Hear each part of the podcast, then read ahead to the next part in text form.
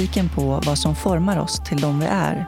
Kan en avgörande händelse påverka eller definiera en människa? Eller är det årsringarna som formar oss? Hur påverkar miljöer och människor oss? Hur påverkas våra vägval av våra förutsättningar? Ni lyssnar på Soluret Podcast och jag heter Jasmine Nilsson. I Soluret möter jag människor från alla samhällsskikt och med varje livshistoria belyses olika ämnen. Varmt välkomna till säsong 7 av Soluret och avsnitt 61. Dagens intervju spelades in i Kulturhuset Dieselverkstan i Stockholm. Min huvudsamarbetspartner är det internationella hjälpmedelsföretaget Invacare. Idag får ni möta Marcus Runhager. Marcus dröm var att få sitta på ett fint kontor iklädd kavaj. Men när han var 25 år gammal gick han in i väggen. Efter två år av studier på heltid och jobb drabbades han av en panikångestattack och trodde att han skulle dö. Idag drivs Marcus av att få dela med sig av sin historia och prata om psykisk ohälsa.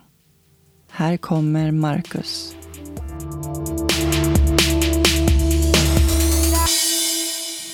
Ska vi köra? Mm, Hur känns det? det känns bra. Är du redo? Jag är redo. Välkommen till Soluret, Marcus. Tack Jasmine. Så kul att vi äntligen träffas. Har jättemycket sett fram emot detta. Ja, vi har haft mycket kontakt. Mm, vi fastnade för varandra och det Ja, är jättekul att verkligen kunna ses nu.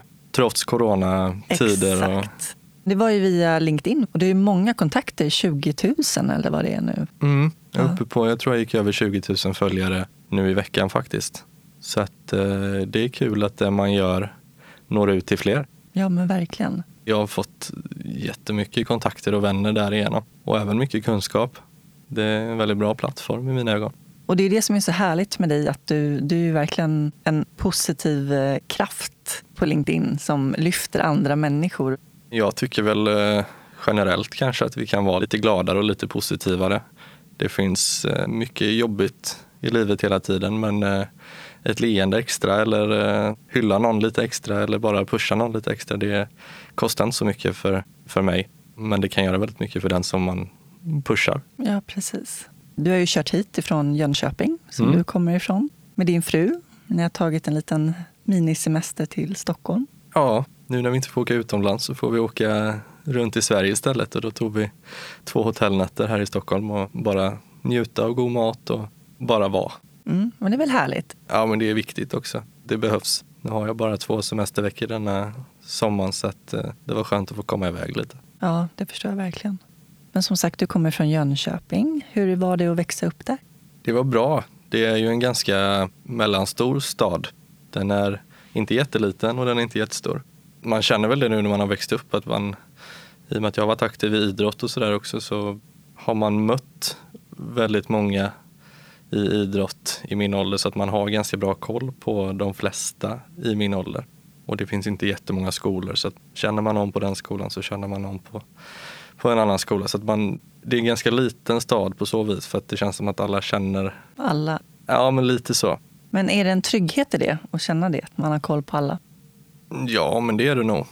Och bara, bara igår när vi gick runt i Stockholm, jag och min fru, så sa vi det att det här är lite för stort för oss. I Jönköping kan vi alla vägar och vi vet var vi ska ta vägen. Det, man reagerar ju på det när man kommer till Stockholm, känner jag i alla fall. Att det, det är mycket folk och det, gatorna är så himla långa. Vi var på en gata så tänkte vi att nu är vi nära hotellet. Men då var ju gatan extremt lång så vi var ju inte alls, vi hade ju 30 minuter hem. Men sen är det ju så himla fint här. Eh, Så det är supermysigt när man åker upp alltid. Och sen hade vi, min frus eh, syster bodde på Lidingö i, om det var ett eller två år. Så då var vi uppe en del. Så Lidingö, du. mitt inne i city vid Drottninggatan, där, hittade vi. Men eh, nu bodde vi i Vasastan och där hade vi inte bott innan. Så att, eh, då var det upp och ner för gatorna och kolla kartan. Ja, spännande. Upptäcka nya platser. Ja men precis. Eh, Men tillbaka till eh, Jönköping då, och eh, uppväxten där. Ehm, Vad föddes du in i för familj? Jag föddes in i en familj med min mamma och pappa. Jag är första barnet. När föddes du? Jag föddes 1992 i september. Och eh, då bodde vi i en liten lägenhet mitt inne i stan eh, fram tills jag var fyra år. när jag fick syskon. Och då fick jag tre stycken på en gång, trillingar. Det var ju en, en stor förändring för mig har jag kanske mest fått återberättat från mamma och pappa att det kom från att vara ensam eh, till att vara fyra syskon. Liksom. Det, Verkligen en stor förändring. Jo, det vet jag mamma och pappa har sagt att eh, de fick nästan säga till vänner och bekanta att eh, inte glömma bort mig för att alla ville titta på de här tre små nyfödda. Liksom. Och det, det är klart, det, barn är ju supermysigt så det förstår man ju. Men eh, det är klart att det var en stor förändring för, för mig. Däremot så är det ju väldigt roligt idag. Nu är vi ju bästa kompisar liksom och respektive har kommit in och vi, är ett jättegäng. Liksom, så att, eh, idag är det ju jättekul. Och även under uppväxten också ska jag säga. Så det, mm. Vi har ju haft väldigt kul tillsammans. Men jag kan tänka mig att du fick ta stort ansvar också som storebror. Ja, det blev det ju. Det är klart att mamma och pappa har ju inte hur många armar som helst. Liksom, så att, eh, det kan man ju framförallt kanske se. Jag kommer inte ihåg jättemycket ska sägas, men man ser ju det på bilder och så när man kollar i fotoalbum att eh, mamma och pappa hade varsin och jag hade en. Ja. Skulle vi gå över gatan så hade mamma och pappa varsin och jag fick gå med en. Så att jag tog nog hand om dem mycket. Det tror jag. Kunde dina föräldrar, om de har berättat så här i efterhand, se någon skillnad i din personlighet eller ditt sätt att vara eh, från det att du fick syskonen? Jag vet faktiskt inte. Eh, möjligtvis att jag kanske drog, tillbaka, drog mig tillbaka lite just för att det blev mycket fokus på dem. Eh, jag kanske inte fick riktigt lika mycket utrymme, givetvis, i och med att från en till fyra, det mm. säger sig självt.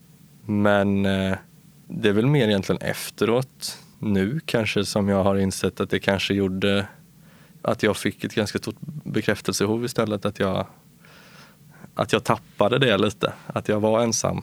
Och sen kom det tre nya. Mm. Uh, du tar igen det liksom på något vis? Ja, men lite så kanske. För jag har nog haft ett ganska stort bekräftelsebehov under hela uppväxten och det uh, kanske kommer därifrån. Mm. Men du, jag har hört dig beskriva dig själv som väldigt social men blyg. Mm.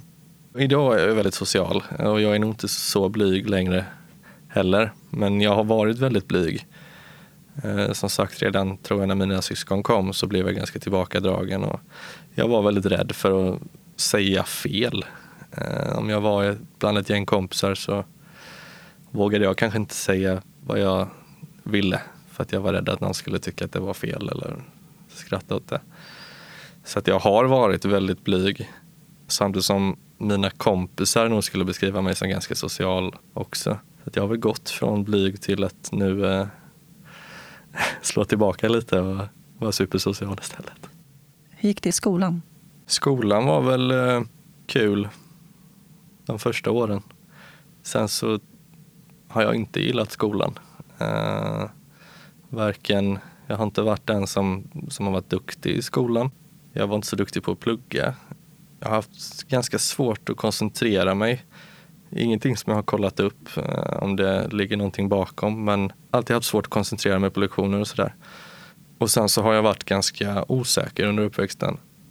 Vilket gjorde att jag hatade ju att stå inför klassen. Och, eh, idrotten var väl det enda ämnet som jag kände att jag var bra på kanske. Så eh, jag tyckte det var ganska jobbigt i skolan man ska passa in och man, ska, man vill vara kompis med de coola och man vill eh, vara kompis med, med alla. Och får man inte vara kompis med någon så funderar man på varför man inte fick vara kompis med den. Typ, som jag tror de flesta känner egentligen. Ja, man vill ju passa in. Och... och det kanske blev mer och mer egentligen när jag blev äldre. Eh, när man gick i när man var 8, 9, 10 år så kanske man inte, då bara körde man på. Men framförallt när jag blev äldre så tänkte jag nog mer på det om man skulle man skulle passa in hela tiden. Man skulle ha rätt kläder och man skulle säga rätt saker och man skulle vara duktig i skolan och man skulle vara duktig i idrott. Och... Mm. Ja, du var en väldigt prestationsinriktad person sen tidigt. Det är en del av din personlighet. Ja, det är det. I och med att jag har hållit på med idrott också hela mitt liv så har det nog alltid funnits där. En väldigt vinnarskalle så, men samtidigt också väldigt rädd för att göra fel. Så det, det har väl alltid, när jag blev äldre och eh, det var presentationer i skolan och sånt där, då var jag framförallt då var jag så rädd för att göra fel så då, då struntade jag i att komma till skolan mm. eh, många gånger. Och det, det har man ju märkt nu senare när man ville söka in till högskola så där, att eh, betygen inte var där, de, där man önskar att de hade varit kanske. Varför tror du att du mådde så pass eh, dåligt av det? Att liksom, det gick så långt att du inte ville gå till skolan och du skolkade. Och var det för att du kände att du inte passade in eller att du fick den bekräftelsen som du sökte efter? Det är ganska svårt för jag, jag har ju alltid haft ganska mycket vänner. Eh, och jag har ju haft en familj som alltid har stått bakom mig. Liksom. Men ändå så har jag varit väldigt osäker och väldigt rädd för att göra fel. Eh, jag vet inte om det grundar sig i såna tidiga upplevelser när man hade någon presentation i skolan och, och, man sa fel och folk skrattade och det satte sig väldigt hårt på mig. Eh, jag minns framförallt en gång när jag var tio år kanske, stod i, i gymnastiksalen och skulle prata med det var en HV-spelare, en hockeyspelare som var på skolan och då skulle jag få stå uppe på scen och ställa några frågor till honom. Och jag var så nervös så att rösten bara brast. Jag gick upp i falsett när jag skulle presentera mina frågor. Och hela skolan skrattade liksom. Eh, Gud vad hemskt. Ja, det, där, det är en sån, eh, jag tror att den satte sig jättemycket mm. nu i efterhand när jag tänker på det. Eh, för jag tror det var där någon gång som det började, att jag inte ville stå inför folk. Jag tyckte det var jobbigt för jag trodde folk skulle skratta eller så. Det kan jag verkligen förstå. Det är ju en traumatisk upplevelse att vara med om det. För när du väl står där inför hela skolan, då är du i en otroligt utsatt position, tänker jag. Man är väldigt sårbar och väldigt naken. Och då bli utskrattad när man står där helt naken, det är klart att det sätter sina spår. Mm, men det tror jag. Det är en sån, eh, när man har tänkt tillbaka nu i efterhand, det är det nog en sån situation där det satte sig ganska hårt i mig. Hur gick tankarna när du var hemma och skolkade från skolan? Visste dina föräldrar om det förresten? Både ja och nej. Eh, till en början så visste de ju ingenting. Eh, sen så blev det givetvis så att skolan hörde av sig till mina föräldrar och då fick vi komma på ganska mycket möten och sådär. Det ska ju sägas att jag har ju alltid gått ut skolan och haft fullgoda betyg ändå. Men det var mycket frånvaro. Och eh, jag vet ju att jag väntade ibland till mamma och pappa hade åkt hemifrån innan jag gick till skolan inom situationstecken. Eh, kanske jag var kvar hemma istället. Och det är klart att det kändes ju aldrig bra för jag visste ju att det var fel. Och det kanske gjorde att jag blev ännu mer osäker eller besviken på mig själv någonstans. För att jag började må sämre och sämre där också och kände mig inte tillräcklig. Jag vågade inte gå till skolan för jag skämdes över mig och var rädd att jag skulle göra fel. Eh, och det var alltifrån, tyckte kanske inte om hur jag såg ut eller hur jag pratade eller eh, sådär. Någonting som jag tror ganska många kan känna igen sig i. Men eh, det gjorde att jag stannade hemma, det gjorde att jag inte mådde så bra. Jag låg kanske kvar i sängen istället och sov bort en dag. Och det gjorde ju också att det blev mycket möten med, med skolan och sådär. Hur kändes det när du ändå blev, man kan ju säga att du blev påkommen. Ja. Hur var den känslan när du fick sitta där då liksom inför både föräldrarna och läraren eller rektorn eller vad det var som du fick sitta och prata inför? Jag tänker det är ju också en utsatt situation. Ja, nej, från början kändes det nog ganska dåligt men sen är det klart att allting grundade sig i att jag inte mådde så bra. Och eh, hemma var det till och med så illa att Eh, jag sa till mamma och pappa att jag kanske inte ville leva mer och sådär. Eh, och jag tror att det var nog mest någonting jag sa. Jag menade nog aldrig det riktigt. Men jag sa det för att jag ville påvisa hur dåligt jag mådde. Precis, det är ju ett rop på hjälp. Om man väl säger det högt till sina föräldrar, det är ändå ett stort steg. tänker jag. Ja, jag visste väl att det gjorde att, att jag fick fokus på mig kanske. Uh, idag ser man ju tillbaka på det på ett helt annat vis eh, än man gjorde då. Då mådde jag som jag mådde. Och idag någonstans kan man ju se att man kanske kan se tillbaka på det och, och ta med sig det och, och, lära sig ganska mycket av det istället. Mm. Och det, mamma och pappa har ju alltid varit suveräna, liksom, precis som mina syskon.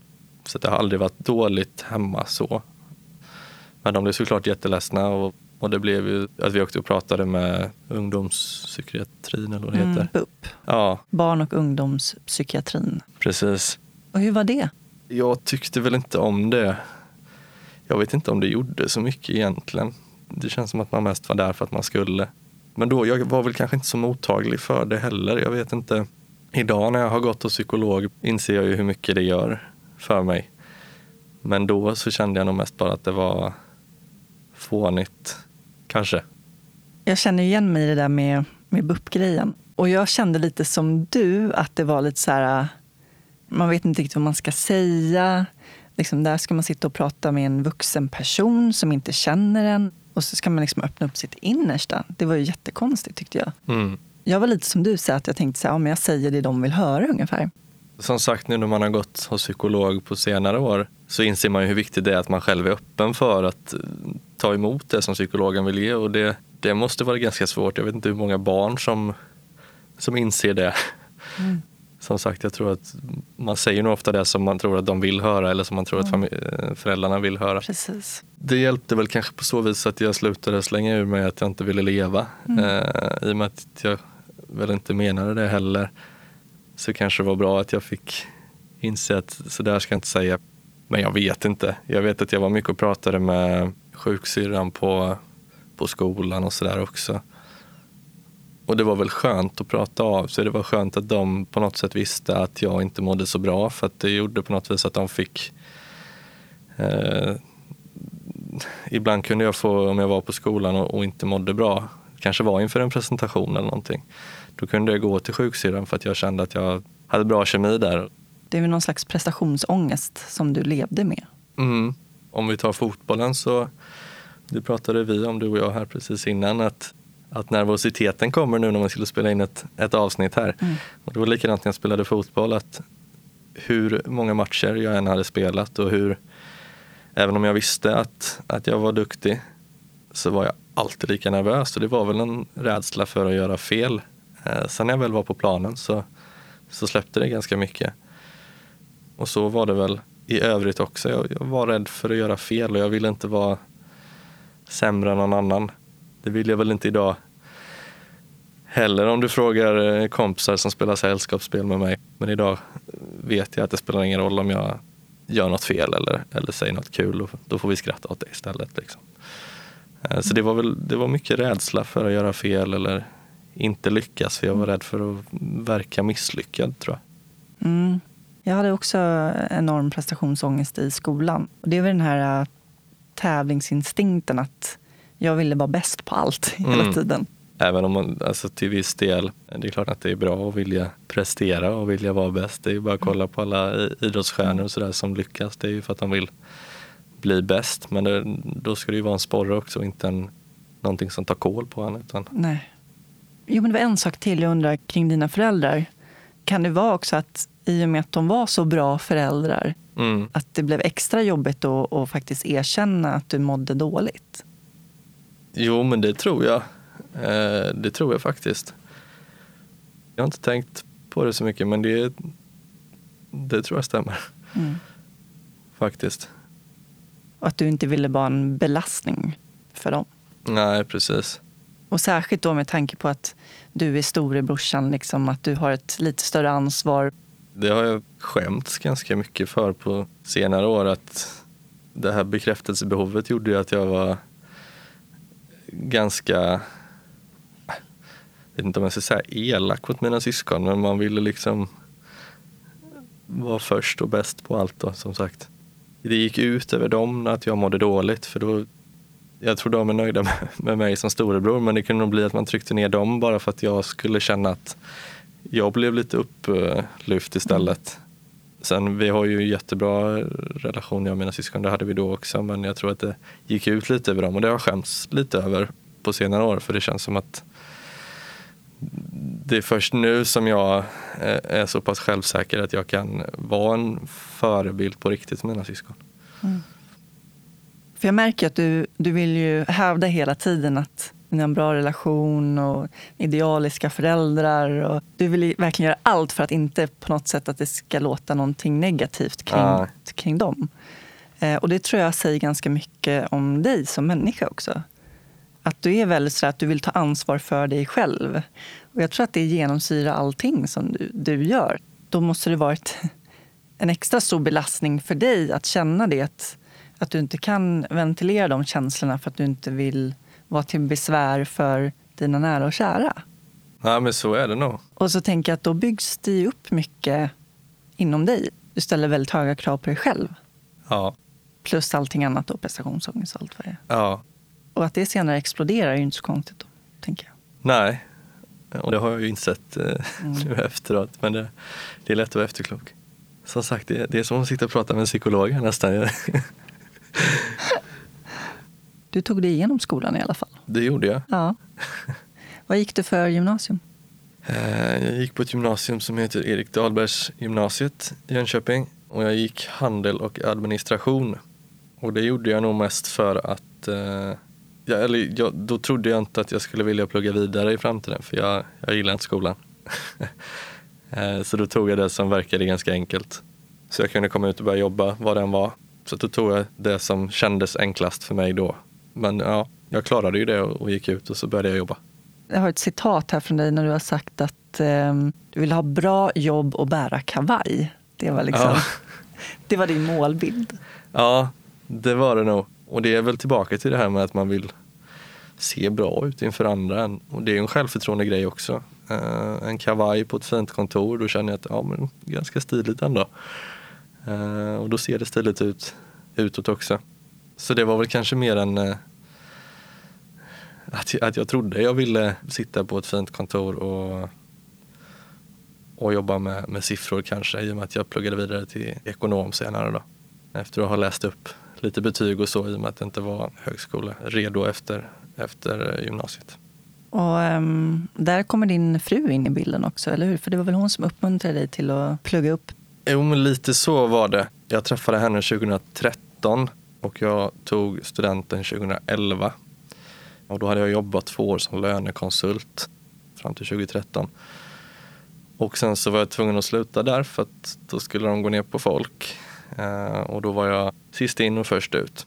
Och då hamnade jag ju där igen att vad ska jag göra? Jag vet inte vad jag vill göra. Och då hade min fru börjat läsa till civilekonom.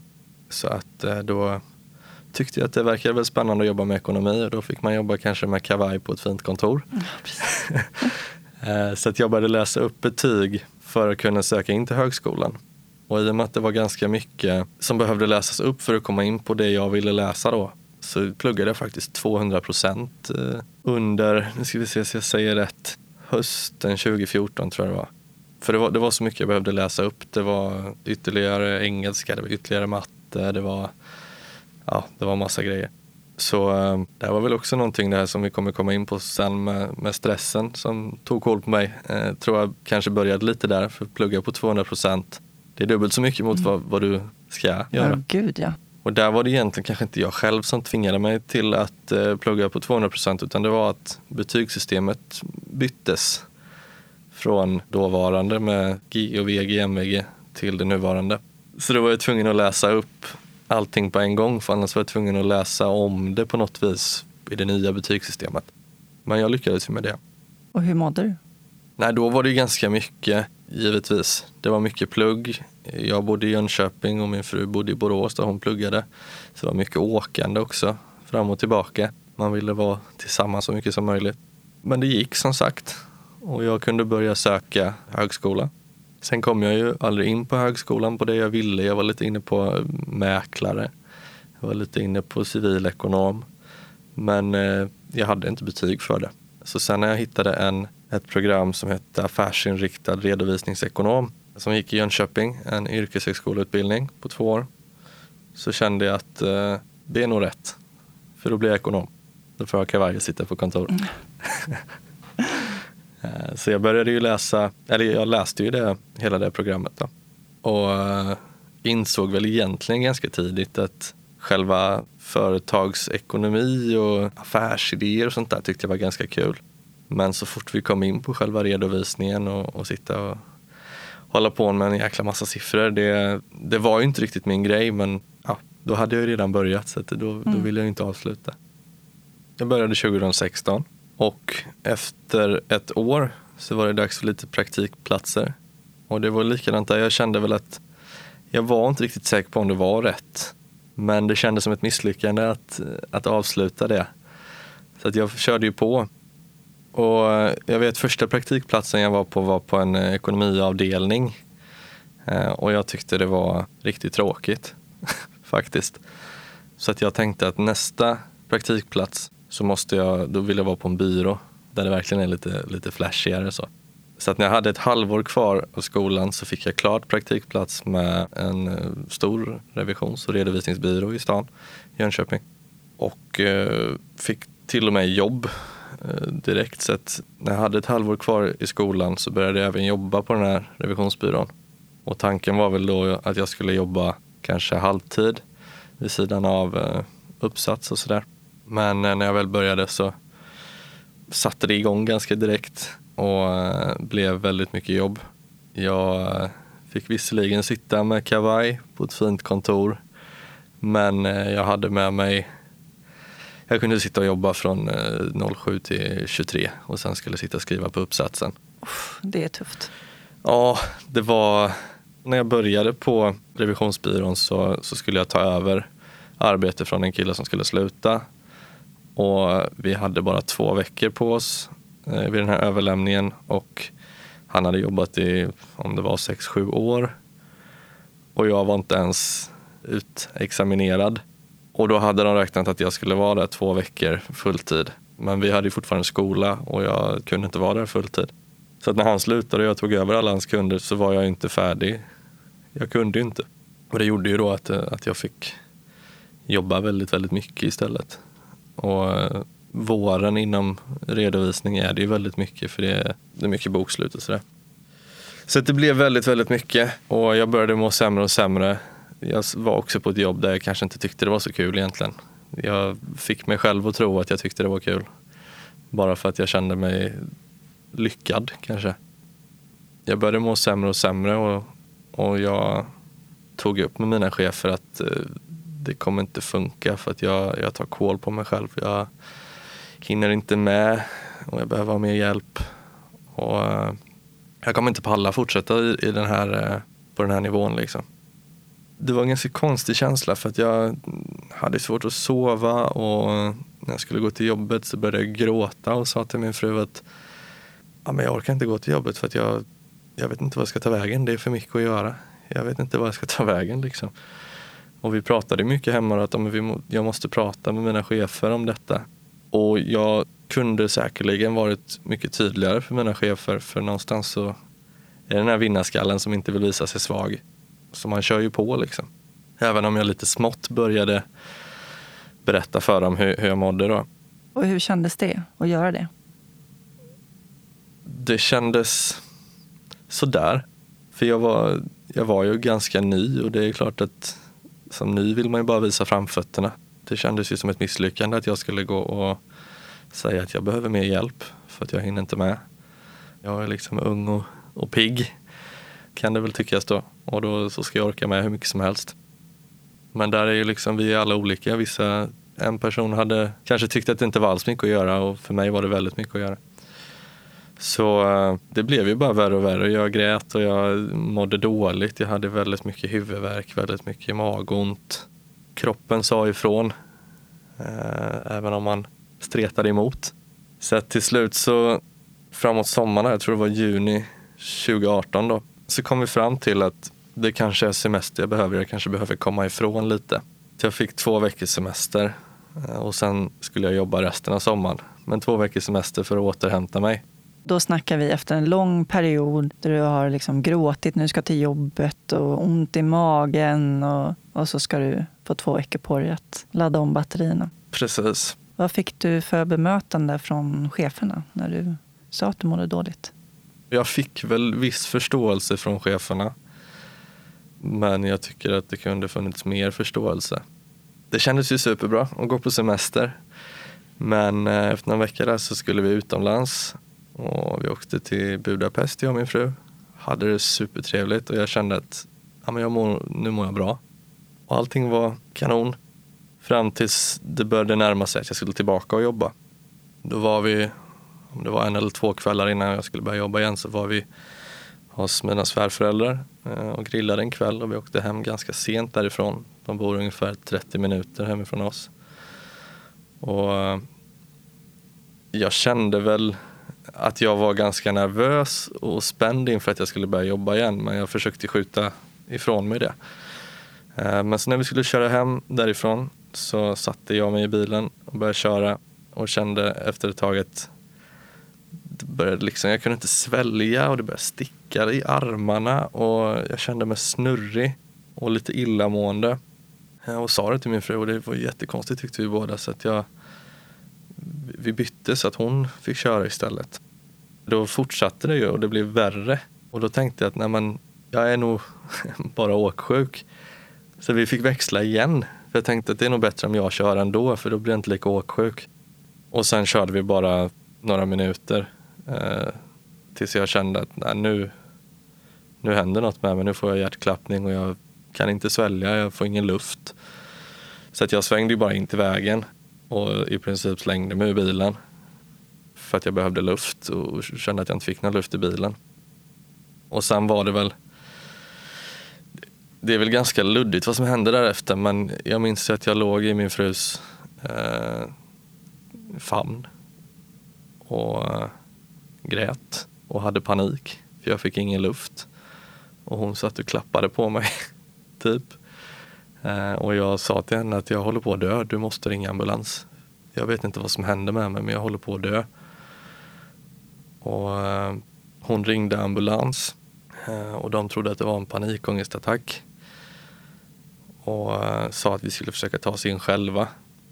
Men jag sa till henne att du får inte köra för att då kommer jag dö i baksätet. Liksom.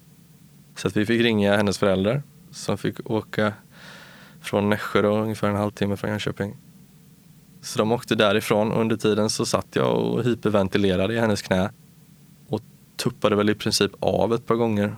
Och jag minns, jag såg henne i ögonen med tårar i ögonen och så sa jag det att jag måste hälsa mamma och pappa och mina syskon att jag älskar dem för jag tror verkligen inte att jag kommer se dem igen. Och jag sa till henne att du får inte, du får inte glömma mig om jag dör nu. Du, även om du träffar någon ny och, och har ett fint liv så får du aldrig glömma hur mycket jag har älskat dig. För jag tror att jag håller på att dö nu. Och det var, det var så sjukt hemsk upplevelse, så konstig upplevelse. Det, det, är svårt att förklara om man inte har upplevt det. Det är som du säger, om man inte varit med om det själv så, är, så kan man inte förstå. Nej. Alltså, det, det, det, går liksom inte. Man tror, på riktigt tror man att man ska dö. Och det var ju tydligt i ditt fall när du till och med liksom tar farväl. Och... Det är verkligen det. Och jag, återigen, tror det är svårt att förstå för att man kan tycka att ja, man tror att man är på väg att dö, men man, man tror verkligen så. Det känns verkligen så. Du har den hjärtklappningen och, och det domnar i hela kroppen i princip och man kan inte svälja eller andas. Så var det i mitt fall i alla fall. Så uh, jag blir svettig bara jag pratar om det nu. Mm. uh, och uh, så där låg jag i hennes knä fram tills hennes föräldrar kom egentligen. Uh, och vi kunde åka in till psykakuten i Jönköping. Och där konstaterades väl att det inte var något fel på kroppen utan att det troligtvis var en, en ordentlig panikångestattack. Så att jag fick ju lugnande där och stannade några timmar där. Jag tvingade min fru att sitta och hålla min hand hela tiden på psykakuten för att det var det enda som gjorde mig lugn egentligen. Det är viktigt med, med närkontakt. Det är att man ska liksom bli distraherad från ångesten. Och det hjälper faktiskt. Ja. Och att någon pratar med en. Ja. Ja men det är väl så. Jag menar bara höra hennes röst var ju trygghet på något vis. Och det, man känner sig så otroligt liten i den situationen. Man, man kan inte göra någonting utan man bara ligger där och skakar typ. Så det var väldigt skönt att ha henne där och, och att hennes föräldrar kom och hämtade. Och de hade väl eh, lite erfarenhet så att min, min fru visste väl egentligen eller trodde väl ganska tidigt att det var en panikångestattack. För hon visste ju hur stressad jag hade varit och hur, hur kast jag hade mått där under våren. Så hon skötte ju det galant och hon var väl lika säker som jag var på att jag höll på att dö var hon väl på att jag inte höll på att dö. Men nej, det var, det var en hemsk upplevelse. När förstod du att du inte var på väg att dö? Det var nog när jag var inne på psykakuten tror jag och fick lite lugnande och, och läkarna sa att för då känner man sig lugnare när man är inne hos, hos läkarna. Eh, då vet man att nu är jag hos dem som, som vet hur de ska ta hand om mig. Så det var väl, jag vet inte vad det kan ha varit, en halvtimme kanske mm. som jag hela tiden trodde att eh, nu tar jag snart sista andetaget. Mm. Nej, väldigt, eh, väldigt hemsk upplevelse. Jag har ju pratat med ganska många dig och flera andra som har upplevt samma sak och, och, det känns som att man har ganska liknande berättelser om hur det känns. Eh, så det, på något vis är det ju skönt att höra att det är fler som upplever det på, på samma sätt. Mm.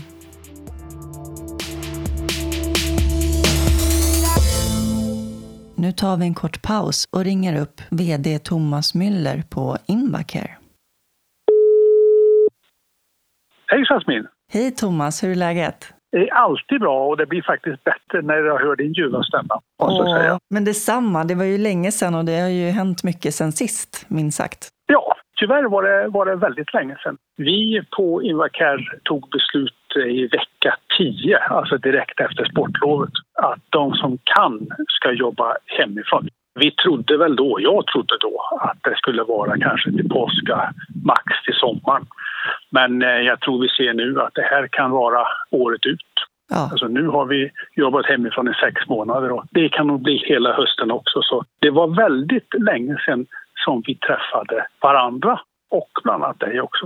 Men eh, vi får ju följa myndigheternas rekommendationer. Det är nog klokast. Ni har ju många olika slags kunder, dels eh, olika regioner runt om i Sverige, men jag tänker också på människorna som faktiskt eh, är en riskgrupp som är era kunder som använder ja, era hjälpmedel. Ja. Bra att du lyfter den frågan. I början av den här coronaepidemin så fick vi ju en enormt stor efterfrågan på en del av våra produkter det var sängar, madrasser och syrgaskoncentratorer. Och det var ju då till olika boenden av olika slag, alltså existerande och, och planerade boenden. Och det skedde inte bara i Sverige, det skedde över hela, hela världen samtidigt skulle jag vilja säga. Medan det tyvärr gick åt andra hållet för de personförskrivna produkterna och eh, jag tror brukare satt sig själv i lite karantän och ville inte träffa människor. Förskrivarna gjorde detsamma. Så eh, jag tror att det har en stor eftersläpning nu på att kunna fylla behovet av hjälpmedel på personnivå. Det är min bild. Mm. Utprovning av produkter måste väl ändå ske med, med människor och produkter, tänker jag. Ja, precis jag tror alla har lärt sig eh, vikten av god handhygien och verkligen hålla sig hemma när man har symptom och så vidare. Så om vi höll de reglerna lite bättre och använde normal skyddsutrustning, jag tänker på handskar och visir och lite annat, så skulle vi nog kunna träffas i större omfattning. Det tror jag. Mm. Vad har ni på gång nu? Jag vet att det är hjälpmedelsdagen snart. Det är riktigt. De stora aktiviteterna som vi själva inte styr över helt och hållet, alltså mässor och konvent och sådana saker, de har ställts in så det finns ingenting sånt i höst. Och det är inte vi som har ställt in utan det är arrangörerna som har ställt in det. Våra egna aktiviteter har gått över till att bli från analoga till digitala och nu har vi en aktivitet kvar och det är just hjälpmedelsdagen den 23 september. Där eh, har vi en tradition av att bjuda in talare av olika slag. Väldigt uppskattat har det varit och vi har haft det som, en, som ett event på vårt kontor i Spånga i Stockholm. I år blir det nog helt och hållet ett digitalt event. Det är ingen nackdel med det. Det är faktiskt en fördel. Betydligt fler kommer att kunna delta på det. Så det är vad vi planerar för och det är det största event som vi har här i höst. Det ska bli jättekul. Spännande. Och eh, hur har din sommar varit då förresten? Jag måste säga att den har varit eh, fantastiskt eh, bra. Jag tycker vi har haft ett bra sommarväder och vi hade inte planerat att åka någonstans utan vi har istället skärgård som vi är på och det har varit helt fantastiskt.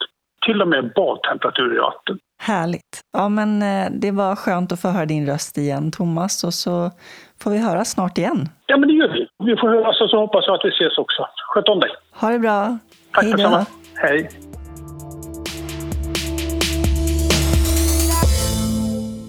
Hur länge var du inlagd på psykakuten? Jag var bara kvar några timmar där. Det var över natten. Jag tror vi åkte hem klockan fem på morgonen. Eh, och egentligen var det ju ett par veckor där sen efteråt som jag inte lämnade hemmet och om jag lämnade hemmet så fick jag panik i princip. Mm. Jag minns att jag, jag vet inte om min fru skulle jobba eller hon skulle iväg någonstans så att då körde hon upp mig till mina föräldrar. Och inte ens där kände jag mig lugn utan jag fick liksom andnöd. Jag kunde inte svälja och de fick hämta någon tablett jag fick ta liksom. Och, så jag klarade inte ens av att vara jag klarade inte av att vara någon annanstans än, än hemma i sängen typ. Och, och, min fru fick sitta jämte. Det var bara då jag kände mig lugn. Mm. Jättekonstigt som sagt, man känner sig så liten. Men eh, så var det. Hur länge pågick det? Ett par veckor var det väl så att jag inte kunde ta mig ut knappt. Utan då ville jag bara ligga hemma. Och jobbet då som du skulle tillbaks till två veckor senare? Ja, jag, blev väl, jag tror jag blev sjukskriven på heltid i om det var två eller tre veckor direkt. Då. Och sen så fick jag ju träffa läkare på nytt. Och där hade jag ju lite oflyt i och med att det var sommar och semester så att läkarna hoppade ju runt lite då. Så att jag hade ju egentligen två olika läkare. Men den första läkaren tyckte att jag ska inte vara sjukskriven på heltid, jag ska tillbaka och jobba direkt för annars kommer det bli jobbigt att komma tillbaka. Vilket ju är helt eh, kontraproduktivt. Ja, det funkar inte för mig i alla fall. Så att jag, efter tre veckor var jag tillbaka och jobbade 50 procent. Och då var jag ju fortfarande människoskygg. Jag kunde inte träffa människor för att då fick jag panik. För att då trodde jag att ah, nu kommer jag trilla ihop här inför de här människorna. Mm. Så att eh, istället för att gå och jobba 8 till 12 så gick jag ju till jobbet vid halv sex för att kunna gå hem innan andra kom till kontoret. Mm. Och det var inte heller bra givetvis. Och så höll jag väl på någon månad innan det var dags att träffa en ny läkare igen som tyckte att jag skulle vara sjukskriven på heltid. Så då fick jag två veckor heltid. Och sen fick jag träffa en ny läkare igen och då skulle jag tillbaka och jobba 50 procent. Så det var liksom, eh, jag fick inte tid att återhämta mig. Det, jag mådde ju inte alls bra. Jag presterade ju givetvis inte på jobbet heller för att jag hade inte ens kontroll och kunde kontrollera mig själv. Och jag försökte ju påtala det för mina chefer också att jag jag är här för att jag inte blev sjukskriven mer än 50 procent. Men jag, jag klarar inte av ens att, att, skriva mitt namn på ett papper liksom, så att jag vet inte riktigt vad jag ska göra på jobbet. Men ändå så var det så att kunde jag vara på jobbet enligt läkaren så kunde jag jobba. Eh, så att jag satt ju och försökte jobba och det gick ju inte så bra. Så till slut så, så kom vi överens om att det, det var inte där, jag, jag skulle inte vara kvar. Det funkade liksom inte. Så att jag blev uppsagd i oktober tror jag det var. Och först kände jag att vad är det liksom att bli uppsagd på grund av att jag inte kunde göra mitt arbete när jag onekligen mådde riktigt piss. Vi ska säga det också att det var, det var ju 2016 som vi sa tidigare som du började läsa. Affärsinriktad redovisningsekonom. Tack. Eh, och det var 2018, när du var 25 år, mm. som du gick in i väggen. Mm. Och det konstaterades ju av en av läkarna då att du har gått in i väggen. Och det var på något vis väldigt skönt att höra ändå för att då fick jag veta vad det var som hade hänt. Det var på grund av stress eller utmattning. Och den här situationen på jobbet var väl egentligen den sista stöten. Eh, allting hade väl byggts upp under många år egentligen. Men när jag sen blev uppsagd då på revisionsbyrån så eh, blev jag arbetsbefriad av dem. Så att jag fick gå hemma tre månader med lön innan jag sen då var tvungen att söka mig efter nytt arbete. Och det gjorde ju susen för då fick jag tre månader att jag visste att jag har lön men jag har tid att återhämta mig så att jag kan återhämta mig. Mm. Så att jag är väldigt tacksam för att det, det löste sig på det viset. Och nu i efterhand är jag glad att det blev som det blev för att annars kanske jag hade varit kvar på ett arbete där jag faktiskt inte trivdes eller faktiskt inte tyckte det var kul. Hade du någon koll på vad det innebar att eh, gå in i väggen och bli utmattad? Och... Nej, knappt. Eh, min pappa gick in i väggen i och för sig några år tidigare och det var ju ganska tydligt att han inte mådde så bra under den tiden. Han blev ju också lite skygg liksom för, för att träffa människor då. Så egentligen så när jag tänker efter hur jag var under våren där när allting var som värst kan jag ju känna igen mig för att jag slutade umgås med människor för att jag bara tänkte på jobbet. Jag var så stressad över jobbet så att jag hann inte träffa några andra människor. Och eh, det är klart att det tog hårt på min fru eh, eller hemma liksom att jag orkade ju inte ta risken eller någonting utan nej, jag måste jobba. Eh, jag hinner inget annat. Jag måste jobba. Jag måste sitta och jobba och sen om jag sitter hela natten och jobbar så bara det här är klart till imorgon. Så att eh, det, det är ju en väldig läxa. Idag vet jag hur, hur det funkar och hur jag funkar och det, det, det är en väldigt skön läxa att ha med sig även om det är det värsta som har, som har hänt mig. För att det gjorde att, inte själva händelsen eller utmattningen i sig, utan snarare det som hände därefter när jag fick träffa psykolog och återhämta mig och inse lite mer vem jag är och vad jag mår bra av. Och, ja, men jag fick lära känna mig själv där. Plus att jag vet inte om jag ska kunna kalla det för nära döden-upplevelse, för det var det ju egentligen inte. Men i mitt huvud Så var det ju det. Mm. Och det är klart att jag tänkte då att, att jag är superlycklig, att jag fortsätter leva och har livet kvar. Liksom. Och då känner jag att det finns så mycket kvar att göra i livet. Liksom. Även om det aldrig var riktigt nära att jag var på väg att dö där så upplevde jag det så. Och då, då var det väl en nära döden-upplevelse för mig. Då. Det förstår jag. Vad har du för verktyg eller strategier idag för att eh, hantera de känslorna om de kommer igen? Dels så har jag ju fått med mig en väldig massa andningsövningar och, och sådär. Sen så har ju hela, hela det arbetet jag fick göra med mig själv eh, inom psykolog har ju gjort mig till en helt annan människa egentligen. Jag är mycket lugnare i mig själv idag och eh, mycket tryggare i mig själv. Jag är inte alls lika orolig längre för att göra fel. Jag känner att jag duger som jag är. Och det är en stor eloge till den psykologen jag hade för att hon, eh, hon fick mig att tänka till och inse väldigt, väldigt mycket. Vilket eh, jag kanske önskar att jag hade fått på BUP eh, i tidig ålder. Men det har väl gjort att jag är mycket lugnare. Sen händer det fortfarande att jag får inte likadana panikångestattacker som jag fick den där sommarkvällen där 2018.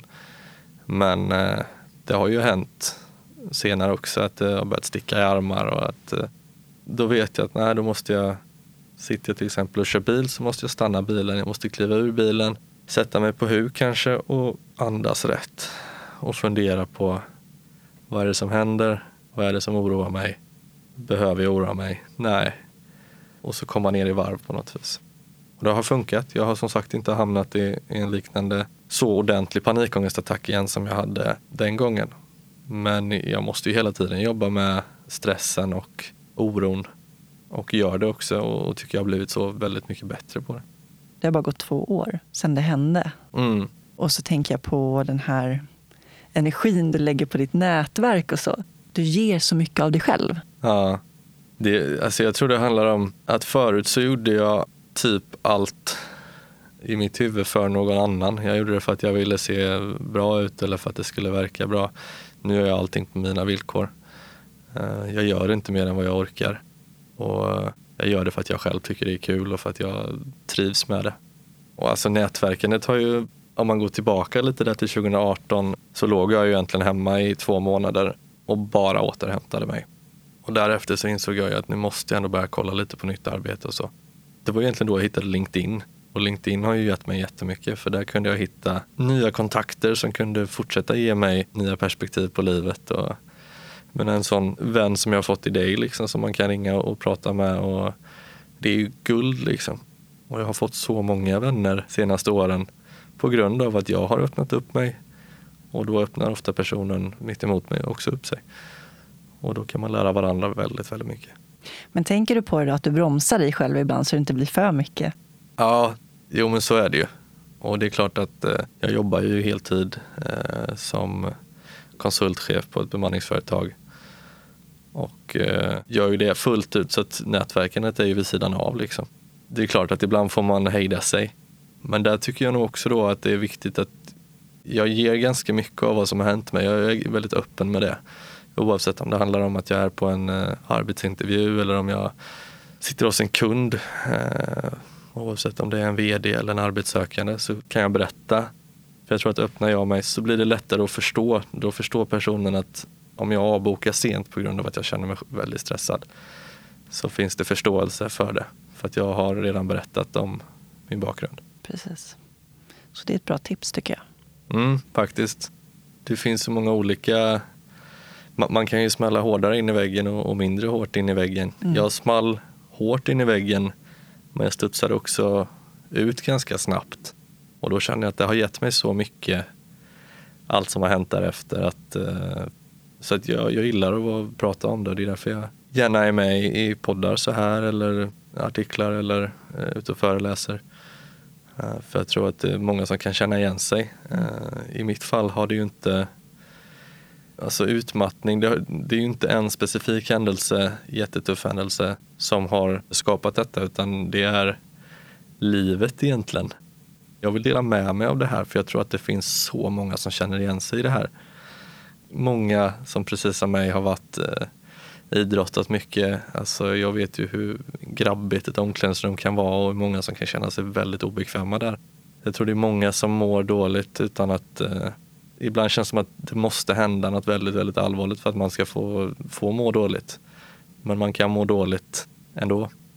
Det jag undrar är också, apropå det här med jargongen i omklädningsrum och så vidare och eh, den här eh, idrottsmentaliteten som ju kan vara väldigt krävande på många sätt.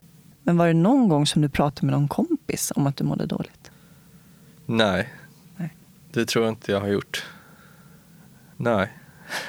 det tror jag faktiskt inte jag har gjort och det är väl kanske en av anledningarna till att jag tycker det är så viktigt nu att prata om det för att jag tror att det finns många som kan känna igen sig som sagt mm. i det. Och där tror jag att du är en jätteviktig förebild just för att det är ju en viss jargong hos killar och man ska visa sig tuff och stark. Och, så därför tror jag att det blir extra viktigt att sådana som du kommer ut och berättar att liksom, det är okej att visa sig svag. Det är okej att be om hjälp. Ja, men det tror jag också. Jag känner att jag jag fick en liten vändpunkt i mitt liv som fick mig att, att inse väldigt mycket och kan jag då hjälpa andra att inse det mycket tidigare än jag gjorde så ja, men det är guld liksom. Även om det är två, tre pers. Jag är superglad för jag tycker det, det kostar ingenting för mig att berätta. Någonting som jag har upptäckt nu när jag själv har, har vågat öppna mig väldigt mycket är väl att folk generellt är ganska rädda för att testa saker. Det är likadant när jag har, jag har varit väldigt så att om jag har någon idol eller förebild så kontaktar jag den personen. Det är inte alltid jag får svar men ofta får jag svar. Och sen slutar det med att man har pratat en timme med den personen och fått massa råd och tips och faktiskt blivit lite kompisar. Kan jag dela med mig av min historia så jag är jätteglad om det kan hjälpa någon. Många tror att välmående ser ut på ett visst sätt men vi alla är ju olika liksom så att välmåendet ser ju väldigt olika ut för varje person. Jag tror att eh, precis som jag trodde att sitter jag med kavaj på ett fint kontor så kommer jag må bra för då kommer jag känna mig tuff. Men eh, det är inte så. Jag tror det är många som kanske är fast i att man är på ett jobb som man har, om vi tar det som exempel, som man har, har jobbat hårt för. Och så trivs man inte men man tänker att nu har jag ju kommit hit så det är klart, nu mår jag ju skitbra. Inombords så gör man inte det kanske, men man försöker lura sig själv till att man gör det.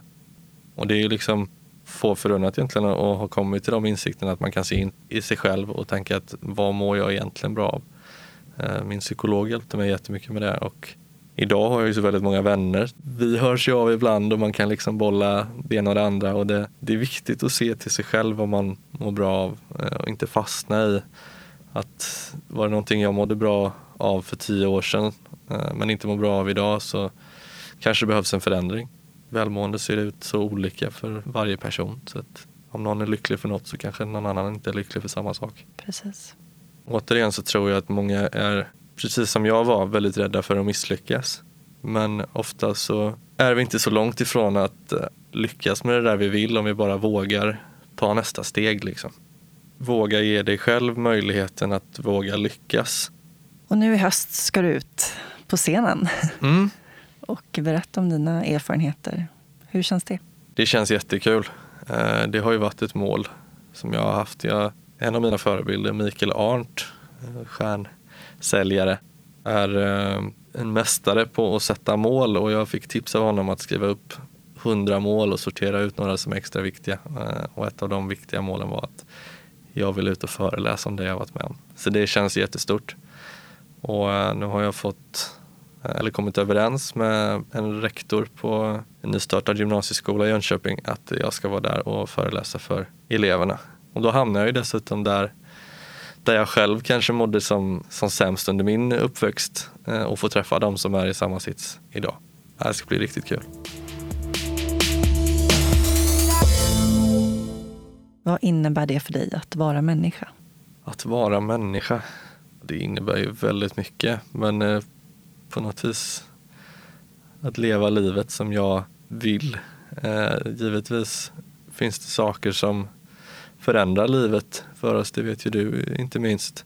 Men eh, ofta så kan vi göra val som gör att vi mår bättre och vi kan göra val som gör att vi mår sämre.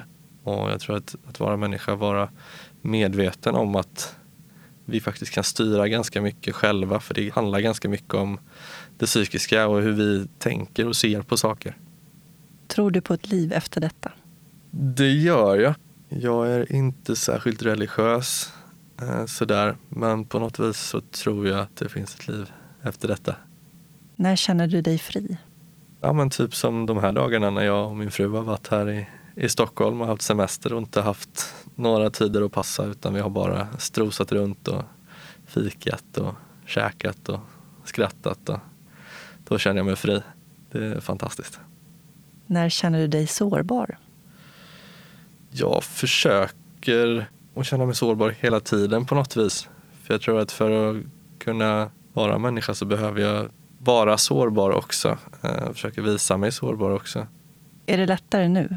Ja, jag accepterar det för mig själv mer nu än, än innan i alla fall. Även att man sitter och, och säger att, att eh, vi kan välja själva mycket hur vi ser på saker och ting och hur vi tacklar saker och ting så är det klart att man måste ju också kunna känna sig ledsen ibland. Och, alltså, jag menar det, Annars så tvingar man ju sig själv att, eh, att vara omänsklig och det går ju liksom inte.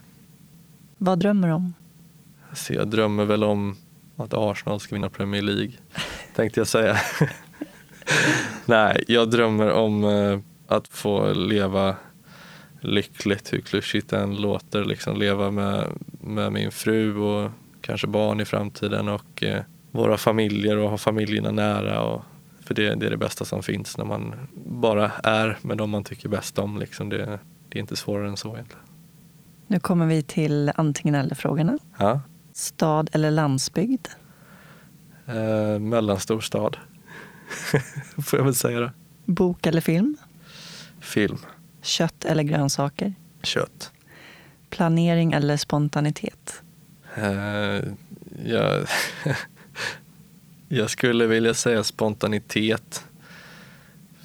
För jag är ganska dålig på att planera. Men eh, vi hade en liten diskussion, jag och min fru här innan, om, om vi är spontana eller inte. Hon tyckte inte jag var så spontan som jag ville få det till att jag var. Men eh, spontanitet. Mm. Se eller höra? Se, tror jag. Jättesvår fråga, men jag tror jag skulle säga se.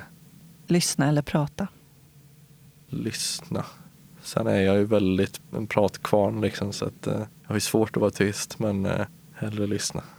Tack så jättemycket Marcus för att du delade med dig av din livshistoria. Tack för att jag fick komma hit och tack för att jag fick träffa dig. Ja, tack Äntligen. detsamma. Känner du att det är någonting annat som du vill förmedla? Det jag vill tillägga är väl att man gärna får, om man känner att man kanske vill eh, skicka något till mig eller eh, prata med mig så vill jag gärna det. Jag tycker det är väldigt spännande på att höra andras berättelser och jag tycker det är väldigt spännande och kul om jag kan hjälpa någon med något tips eller genom att bara få lyssna mer på min eh, resa genom livet. Tack. Tack så mycket.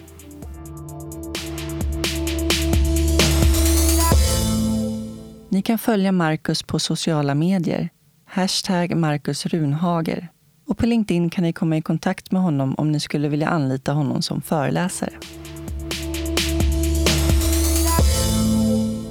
Soluret har en hemsida, soluretpodd.se. Där kan ni lyssna på alla avsnitten och även komma i kontakt med mig. Prenumerera gärna på Soluret i din podcastapp så missar du inte kommande avsnitt. Tack till min huvudsamarbetspartner Invacare. Mer information om Invacare och deras produkter hittar ni på invacare.se. I nästa avsnitt får ni möta Katrin Lundell. Katrin är radiomakare, skribent och skådespelare. Hon har bland annat programlett Morgonpasset i P3, NO-TV på UR och medverkat i humorserien Bauta. Katrin föddes 1986 och blev diagnostiserad med skelettdysplasi, vilket innebär att hon är kortväxt. Under barndomen fick hon genomgå många svåra operationer som har präglat henne och Katrins räddning var att få utlopp genom kreativiteten. Hon är aktuell med Funk i P1 som belyser hur livet funkar och inte funkar i ett samhälle som ska funka för alla. Tack så mycket för att ni lyssnade och ta hand om varandra där ute. Puss och kram. Hej då!